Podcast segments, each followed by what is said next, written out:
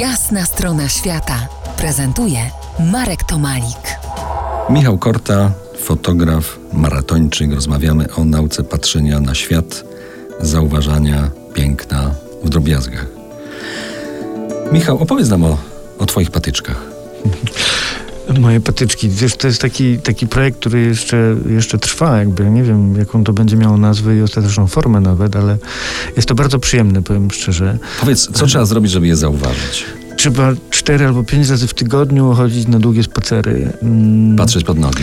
patrzeć pod nogi dookoła, ale zamykać też oczy i słuchać. Jakby w ogóle y, myślę, że taka zmysłowość w życiu codziennym, którą miasto nam strasznie odbiera. Czyli jesteśmy w mieście, to czasami nie widzimy jaka jest pogoda przez tydzień. Miasto, ale te wszystkie pudełka z wyświetlanym, prawda? No, no to, to też, ale, ale wiesz, jakby jesteśmy, jesteśmy w budynku, nie wiemy, idziemy do samochodu, do autobusu, przemieszczamy się, niby żyjemy, ale tak naprawdę nie wychodzimy na próg, nie siadamy napić się kawy, patrząc na ten moment, nie wiem, kiedy zmienia się światło, kiedy, kiedy są dźwięki takie, a nie inne. Wczoraj w mieście, w centrum Bochni słyszałem sowę w parku, będąc psem na spacerze. To jest w ogóle niesamowite, że, że można jeszcze takie rzeczy wychwycić, tylko jakby trzeba, trzeba, trzeba nie wiem, mieć potrzebę chyba.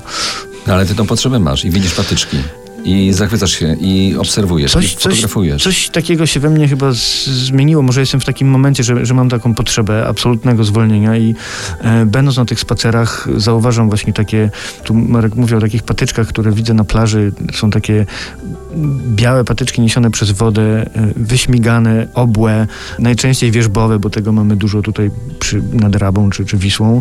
No i one tak są na tych otoczakach przez tą wodę szlifowane, potem wyrzucane gdzieś na brzeg i kilka razy mi się zdarzyło być w takim ostrym świetle na, na, na, na jakiejś właśnie plaży czy brzegu nad rzeką i, i, i widziałem, jak te patyczki oddają światło, odbijały je trzy razy bardziej niż, niż piasek.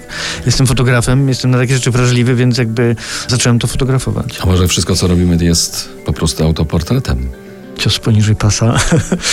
Wiesz co, może tak, no jakby ja się pod tym podpisuję, jak najbardziej. Opowiedz o swoich książkach. Balkan. W, współpracowałem przy robieniu chyba kilkudziesięciu książek jako fotograf, natomiast e, jeśli chodzi o, o takie autorskie rzeczy, to, to wydałem dwie książki, właściwie dwie i pół, bo jedna wyszła w dwóch egzemplarzach.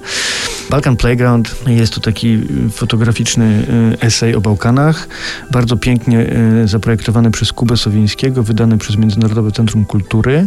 Książka zresztą była e, nominowana do najlepszych książek 2018 roku na Grand Press Photo. Ty zresztą dostałeś nagrody, pochwal się tymi nagrodami. E, dostałem Pierwsze miejsce na BZWKB Press Photo. E, 2011. BZWBK.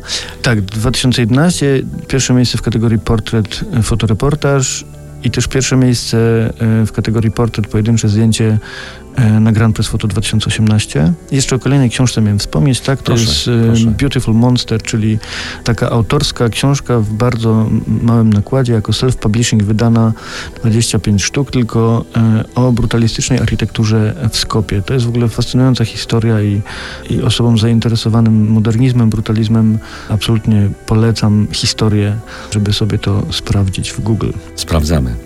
Przypomnę, naszym gościem w Jasnej Stronie Świata był Michał Korta, fotografik, nauczyciel wrażliwości, wykładowca Akademii Nikona. Awansowałem. Dziękuję bardzo. Ja również. To była Jasna strona świata w RMF Classic.